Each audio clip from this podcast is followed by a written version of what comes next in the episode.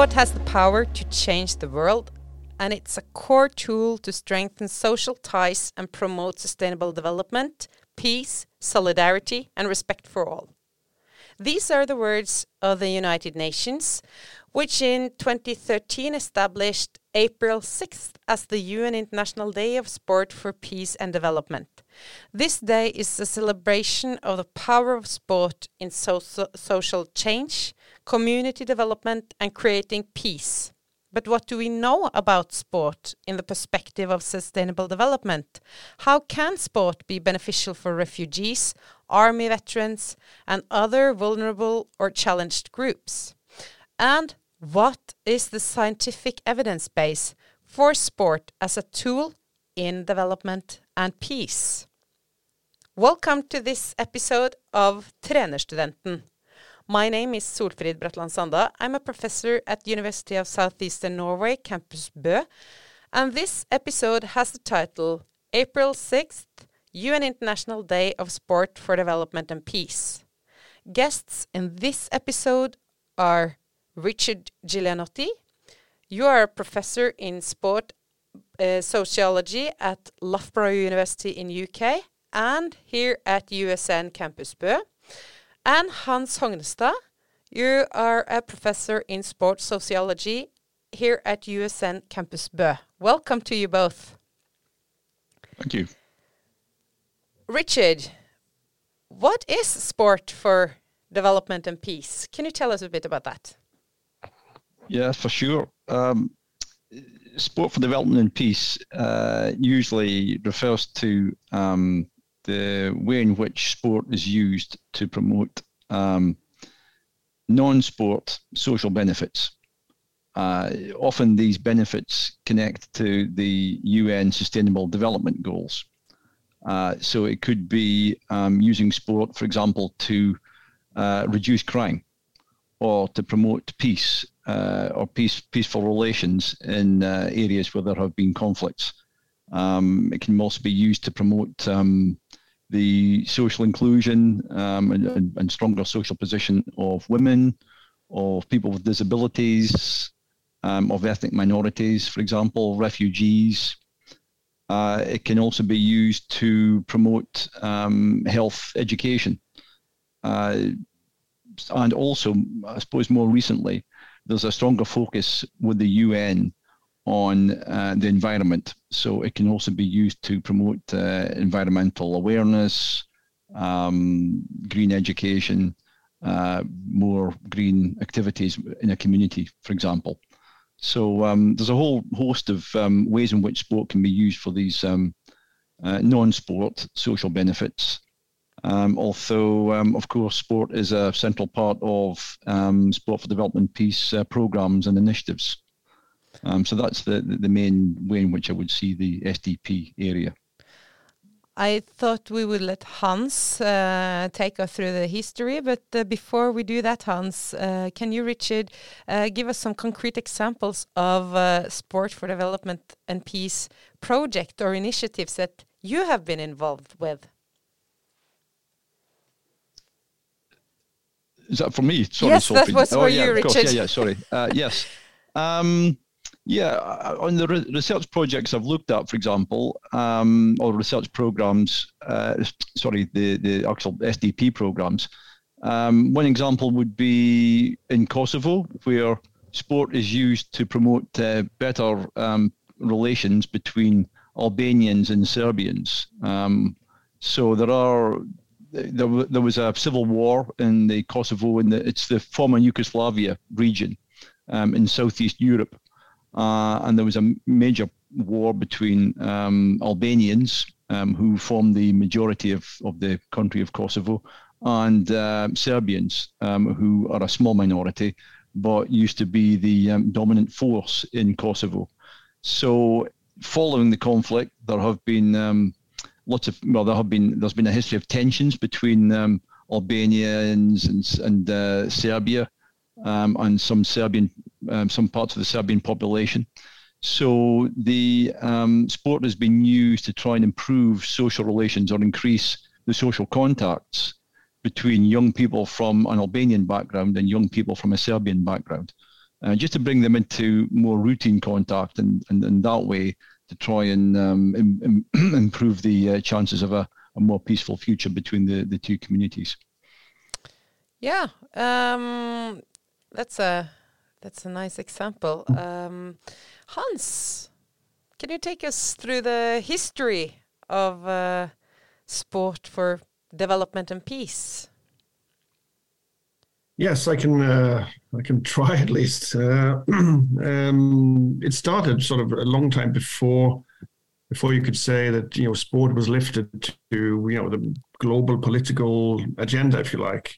Uh, before 2013, when when this 6th of April was adopted for the for the International Day for Sport for Development and Peace, uh, there was also uh, the International Year for Sport and Physical, Physical Education in 2005, which was maybe in a way marked, you know, the uh, the lifting of sport on the UN agenda, if you like, and making it uh, a proper part of you know the global polit- politics.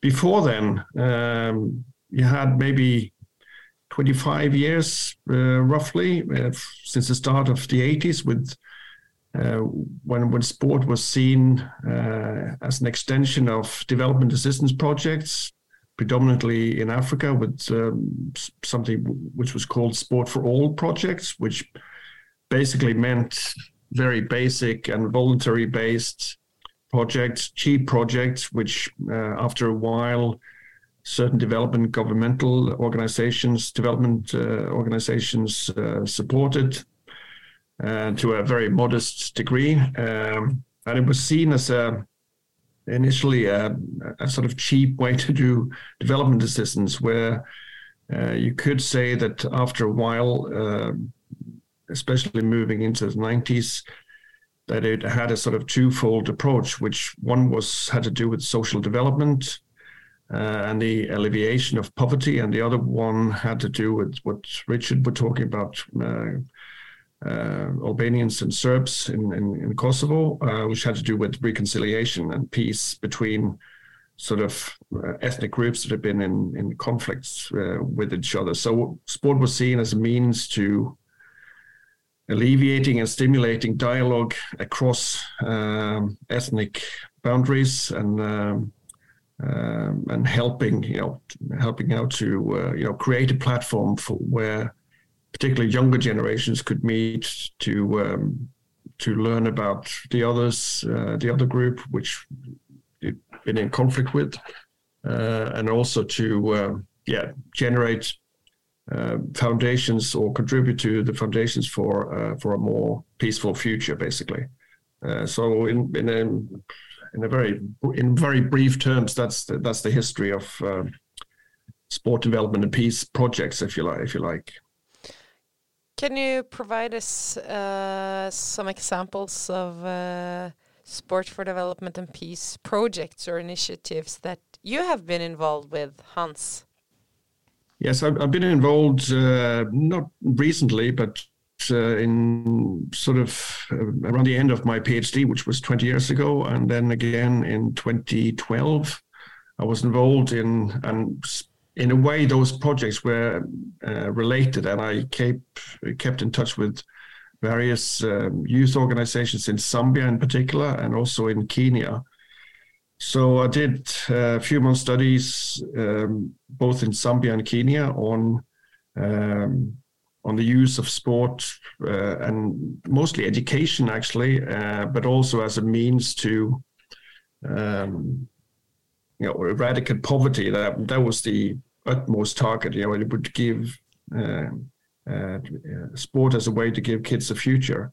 Mm. But it was it was shot through with a lot of difficulties and um, disagreements, really, between the uh, predominantly Norwegian organizations in the in the north and the uh, and the Zambian and and, and uh, Kenyan organizations in, in, in the south regarding you know uh, views on elite uh, you know talent development for instance and giving talented uh, athletes uh, in Africa a chance whereas they that was their focus, and whether that meant uh, uh, including a scholarship, which which could give them an education as well, or or whether it meant sort of you know purely a sporting a sporting development. So it, instead of pinpointed the the some of the paradoxes and challenges for me it was quite obvious that they they,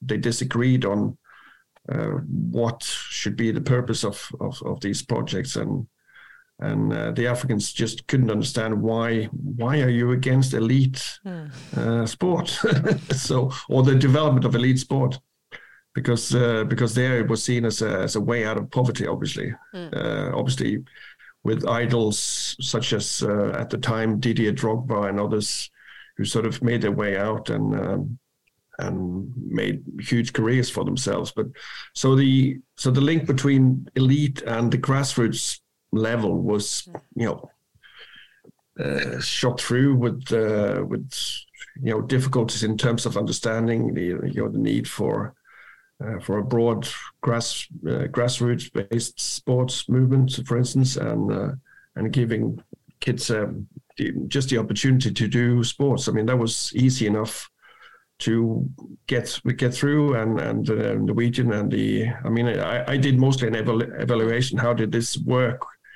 um, between the uh, between the wealthy between a wealthy northern organization and poorer uh, southern organizations and whether targets were met whether they had the same goals and, and uh, etc so uh, and there were a lot of yeah a lot of disagreements and I think I think also misunderstandings based on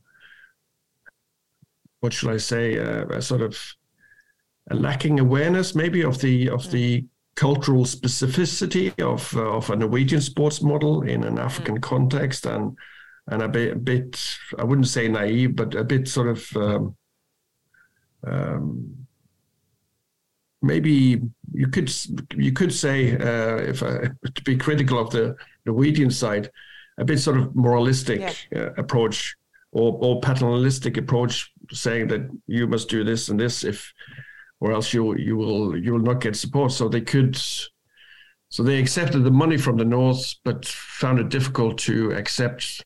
Um, or, or pursue the same targets basically so yeah and that is uh, very uh, that's very interesting because uh, there are some parallels to what you are telling now uh, from the more uh, you know um, implementation of physical activity especially mm. in um, areas uh, where there has been poverty but where whereas parts of the population have now increased wealth and um, uh, uh, with increasing rates of obesity, for instance, and non-communicable mm. diseases, and then uh, you know Western countries uh, come and say, uh, we can help you uh, with these health, public health challenges. That means that you, for instance, need to walk more. And when you introduce that in a culture where the car and driving cars are kind of the status symbol and they, there are there are examples several examples of that kind of mm. uh, I would say uh, um, naive, as you said, Hans, but maybe also I would uh, I would uh, be even uh, clearer that that it's kind of lack of knowledge from uh, and lack mm. of kind of respect also for for that kind of cultural differences, mm. and hmm. and we will with the Western approach of trying to save the world uh, in and that's uh, that our way is the only way. Um, uh, so yeah, I mean, fatness, fatness is, uh, is, is in a traditional, many traditional African societies seen as a as a sign of uh, wealth and as, as, a sign of uh, that you're doing you're doing really well for yeah. yourself. So yeah.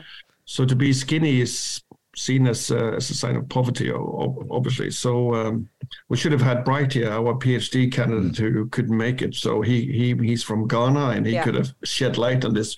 I was talking to him um, two days ago about the exactly these issues. So yeah it's uh, it's quite interesting. Yeah. Yeah, and he was invited to this uh, episode, yeah. but he, as you said, Hans, uh, unfortunately was not able to make it. Um, mm.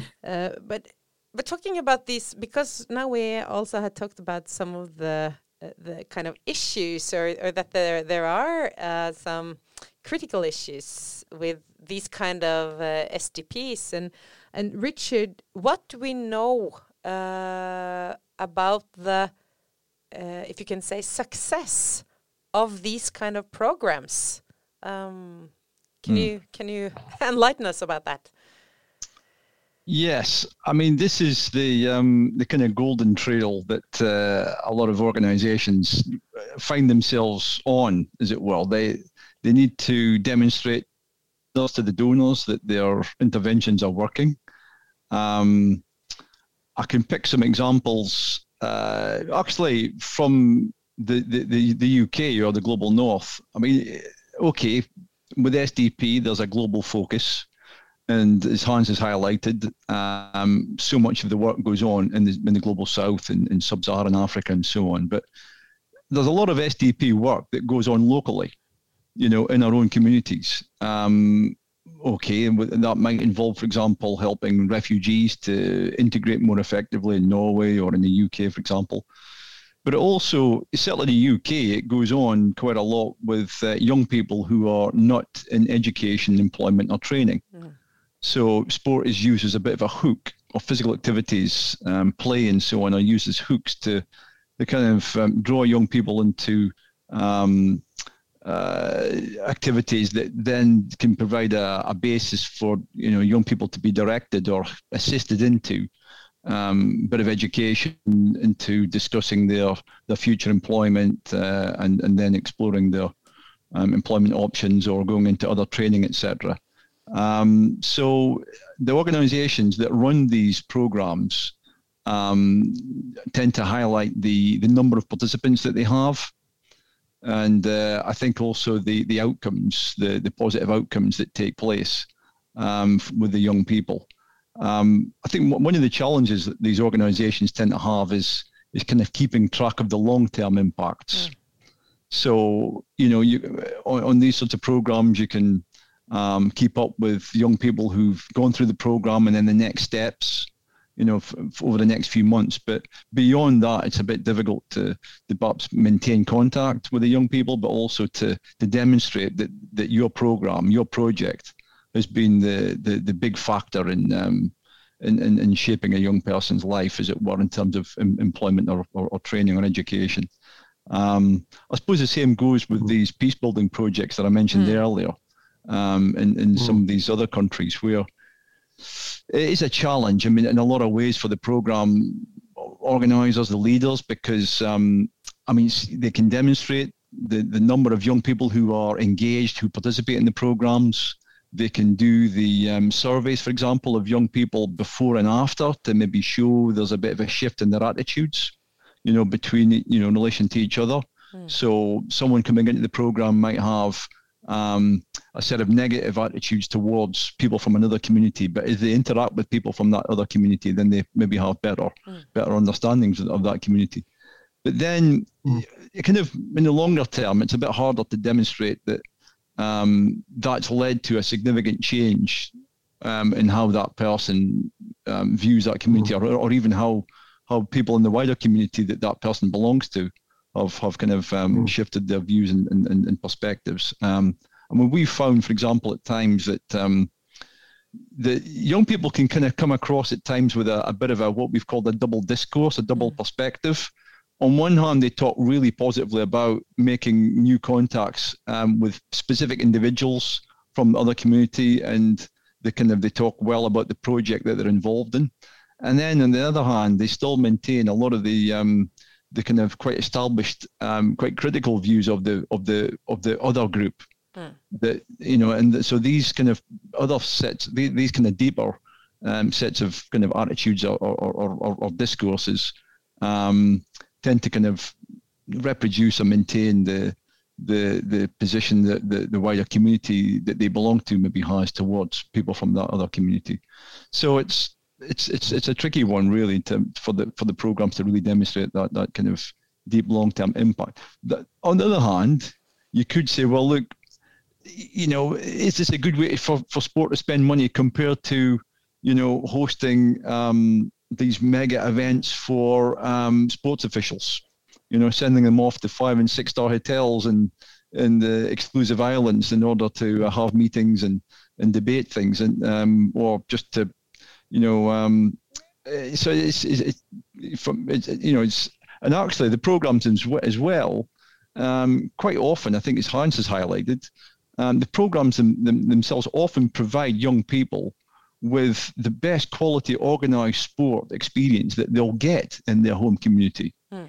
You know, so um, especially in the global south, you know, the, the organized programs um, are maybe of a better quality in terms of the, you know, the, the, the standard of delivery, the, the, um, the sports experience, as well as the education that goes with it. Um, that's a, a, kind of better, um, a more professional standard or more you know, better facilities, better equipment um, than they would maybe get, um, for example, in the physical education classes at school, um, such as they are. So hmm. um, there is there are those other kind of wider benefits of the, the, the programs that are out there. Um, hmm. Absolutely, yeah. and uh, what uh, I just uh, want to also come with an example or, or share an example.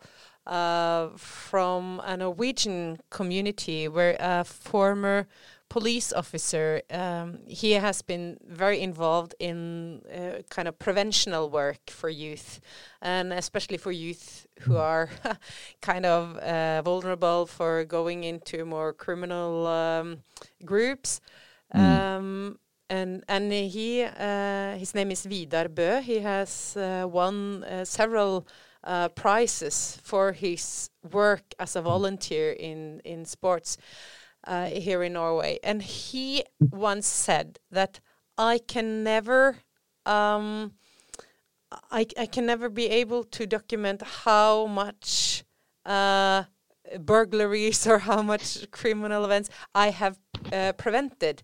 But what I do know is that these guys, uh, 14, 15, 16 year old guys, when they are out in the woods, uh, mm. either uh, doing um, uh, kind of wilderness adventures, hikings, or or when they are doing sports together. I know that when they are with me doing sports, they are, they don't run out robbing old ladies.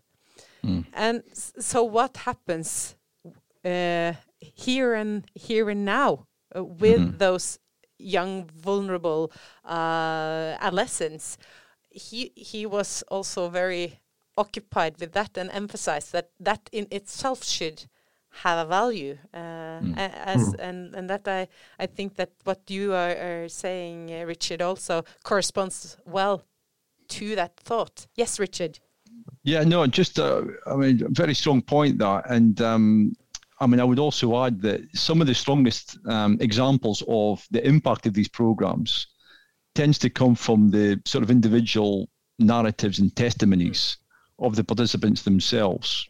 You know, where they talk about, you know, um, for example, in the peace building programs in Kosovo, you know, the young people who would often be participants and then would go on to become volunteers in programs would talk about, you know, saying that, well, um, my father was involved in the war, might have been, even been killed in it or disappeared. Um, they'll say that they held these attitudes towards the other side. Then they met them, built some friendships, and and kind of began to sort of change their perspective on on on these other groups. So when you get that kind of narrative, that testimony, then then that's that can be mm. pretty powerful. And the same goes mm. with um, maybe young people who talk about maybe having been on a certain pathway mm. in terms of criminal activity mm. at a young age, and then mm you know some of these programs can help to kind of direct them away from that so that i think those are the, the, the kind of strongest ways in which you can demonstrate the impact of the programs absolutely hans mm. yes um, yeah i mean the, these are obviously the, the trick questions so what what are the effects of um, uh, involving, for instance, as you were talking about Vidar Bø, the police officer, and you know, involving youth in physical activities or sports. Um, and to get back to you know the difficulties of finding you know tangible effects or you know you, how you can document uh, that, that sport works. I, th- I, think it's it's important to remind everybody about you know the, the fact that sports um, on a smaller level obviously can work one on one on a on a on a grassroots level. Um, you can befriend a member of uh, a community which your community were hostile to uh, or your group were hostile to previously. Um, and then it, it's it's also about you know sobering up you know how how wide sport can you know affect social change and political change on a on a on a on a broader level and uh, sport is not a bubble in itself on the side of society it's it's very much part of uh, ongoing uh, dynamics in society i remember when i did a, a study back in 2012 uh, and compared it with 20, 2000 four. Um, in 2004, the the big uh, there was the big health issue in in most southern Africa was the AIDS ep- epidemic. Mm. And in Zambia at that time, there was there was like 30% of the population, the entire population, were infected by the virus. So so it's and it had a huge effect on on on a specific team that I was uh, following. Um, uh, who were living with their grandparents and uncles and aunts and mm. more remote relatives even. Then in in you know um, almost 10 years later, I uh, I did a study which was both in Zambia and Kenya, and it was quite obvious that uh, a lot of these sports clubs had done a lot of information work for for for kids regarding you know contraceptives mm. to prevent the spread of, you know, uh, in order to, you know, stop the spread of AIDS. So they were just anything from uh, uh, demystifying, uh, you know, myths and legends about how how AIDS would spread, uh, sort of through witchcraft, etc., and and all these myths about uh, the spread of AIDS to to to just you know practical information on how, how to use a condom basically um, and in that period uh, the statistics of for uh, for the HIV pandemics uh, you know went rapidly uh, down as it did in most parts of the world so and then the, the question comes up so how, how much did our information work I, I was I was there in a class in in uh, Nairobi actually with uh, uh, when 14, 15 year old boys and girls were being educated about about about AIDS. Mm. Um, how much did that uh, influence the the fall of statistics? Maybe not much in, in, in that particular school, but uh, if you spread uh, the uh, uh, the idea that this is not something this is not something to um, be ashamed of or, or, or, things like that they were they were they were being super rational about and leaving aside you know religious morals uh, with mm. regards to having sex and uh, adult you know uh, teenage sex and stuff like that uh, and just really okay this is the most efficient way to to uh, to stop the pandemic. So obviously uh, things like that make little contributions, and and uh, and the best way to start is obviously in in, in your in your neighborhood basically. Mm. you know that's that's where that's that's where you can make a make a change. And that was the idea that that spread there there as well. And and another thing was obviously some of the organizations they they would help kids with you know they had coaching uh, coach uh, education of coaches on one side but also had people who could help help help out with uh, uh, homework for for the kids. Mm. So it's it's it's it's a good example of sport being a, a, very integrated, or the sports club being a very integrated part of of, of a local community. Mm.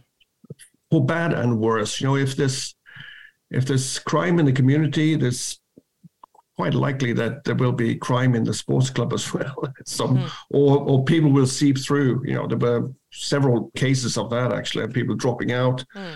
of different programs. But uh, yeah, so it's it's not it's not a question of everything being. Uh, you, you you can't sort of raise uh, different standards for for sports clubs and say for a school or for for another sort of more public uh, institution uh, with regards to what to expect uh, of, of, of outcomes. So yeah, I think um, also too because uh, uh, those examples that uh, you both are talking about, it's it's interesting to see it or or to have you to reflect upon. Okay, what what roles can such programs and initiatives play in the future, and especially with um, with the pandemic in, in this post-pandemic world where uh, the pandemic has been also called a syndemic, especially for the global south, um, uh, being uh, influenced uh, much much worse or or harder uh, from the COVID nineteen mm. pandemic than the than the global north. So, but before I um, before I let you reflect upon the future of such S, uh, SDP uh, uh, initiatives, uh, I just want to to share also an, a concrete examples of uh, staff like army veterans that have been uh, highly involved in in in war, but also in in, in peace. Um, peace operations. Um, and, and numbers show that uh, there are high prevalence of uh, PTSD among uh, army veterans. Um, mm. it, it, it, of course depends uh, on which country they are from and what kind of uh, um, peacekeeping uh, operations or war uh, operations they have been involved in. But I just want to to make um, to highlight what uh, Dr. Simon Rosenbaum and uh, mm. his group in uh, in Australia are doing, uh, and they they are doing both uh, clinical work and and research on the effects and the positive effects of sports and physical activity and and exercise for veterans with PTSD.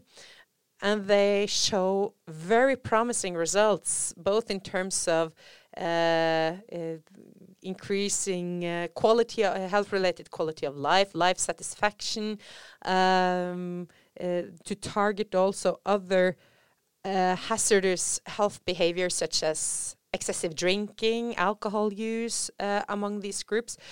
So there are also very interesting uh, projects going on targeting uh, other groups that have been involved in in war and peacekeeping operations throughout the world. Uh, so I just wanted to to highlight that as mm. well as a very important group to reach. Um, mm. But but to make mm. you reflect upon this, the future of uh, sport for development and peace initiatives. What what do you see? Where where do you see SDPs uh, in the future? Richard, if you can start. Yeah, I guess a couple of thoughts. Um, I mean, one is that I think it will continue to roll on and on. Um, there will be all these different programs across the world taking place, supported by different um, major you know nations like uh, okay Norway, the, kind of the, the Nordic countries, UK, US, etc. Um, there will maybe there'll be an increase in the focus on the environment and sustainability, um, given that that's critical to the UN United Nations agenda. If you look at the UN Sustainable Development Goals, 17 of them, quite a lot of them have got a focus on on, on the environment and sustainability. Um, one other thought, and I think you're dead right. You're very right to highlight the COVID situation, the post-COVID situation, which has really badly affected the um, health circumstances and situation, physical activity levels of people, especially in the global south. Um, so impacts on physical health as well as mental health. Um, so UNESCO, for example, have got a major program that they are trying to promote globally called Fit for Life, um, which connects quite closely, I think, to the SDP um, field. You know, it will involve working. I'm, I'm sure uh, SDP organisations will be um, in, very much involved in this. So that that program is going to really get up and running um, in the next year or so and spread internationally. So I think if you look at the UNESCO website, you'll see Fit for Life information on that and um, how it's got that um, global target of um, increasing physical activity and physical education across the world with the aim of improving health, well-being, and the social inclusion of um, of uh, groups that are in a weak position in society or into also maybe in, in an international context as well. Hans, what are your thoughts about the future of SDPs? Well, it's it's grown exponentially since you know since uh, the turn of the millennium uh, when it really when it started to explode with loads of NGOs appearing on the scene, uh, being involved in different projects, and to be critical. A lot of these organizations, they it's it's a business. Let's face it. You know, it's it's, it's shot through with a lot of commercial interests and and and and sometimes you sort of wonder whose interests are they pursuing? Is it their own, or is it actually um, with a with an ambition to to help communities? So I'm not sure how I see future projects, but I, what I would like to see is to have a more, have maybe a greater awareness of of the role of sport, but but also connect sport with other programs, you know, sports programs with other kinds of programs, like uh, you know people who are involved in you know culture, music, or or whatever. And uh, the veterans you mentioned, uh, I'm sure a lot of them would benefit from if if they go along with you know uh, being involved in sport and physical activities, but maybe some of them would rather play in a band mm. or play guitar or do something else. So so I think it's important to listen to what people locally actually want mm. and and what their needs are, and to open up a dialogue. Um, and there's no point implementing. Uh, the, the, that was a part of the criticism in, in the early days of the sports-related development projects from mostly anthropologists, who would see see them as a sort of as an extension of you know the old colonial. Mm uh, sort of colonial uh, ties that, were, that were established and and uh, based on you know why do you why do you want kids who who uh, who walk 20 kilometers to school every day? Why why do they need sport you know if they don't already do sports on their own initiative in a way.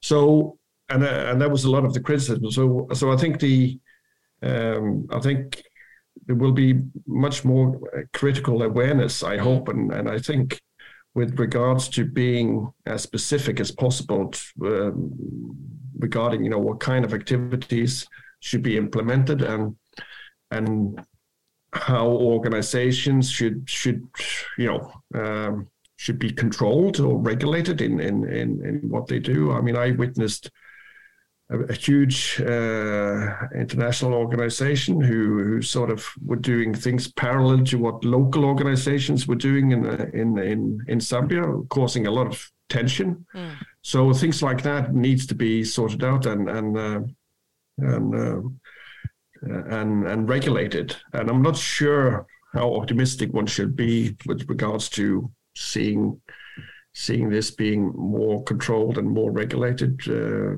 on uh, on behalf of the local communities. Mm. Uh, but it's at least certainly something we could uh, wish for. Mm. Mm. And the uh, what you are talking about now is uh, something that has also evolved in, for instance. healthcare and especially healthcare research, and some also in in uh, educational research where the focus on user involvement and participa uh, participation from the users and and mm. the users um, voices. what do they actually mm. prefer? What do they want? And then to mm. to build programs uh, that are designed to meet those needs and not the needs we think they have. So mm. so um, hmm. exactly. Yeah. yeah. So have to have this focus and perspective uh, is is of course uh, important for the future. Okay, Richard and Hans, we have talked for 40 minutes now, so I think it's uh, time to wrap up. But uh, I, I, want to thank you so much for uh, sharing your experiences and thoughts about this topic, and um, wish you the best with future projects within this area. Mm. And uh, to the listeners, uh, please stay tuned for more episodes uh, in this podcast. Okay.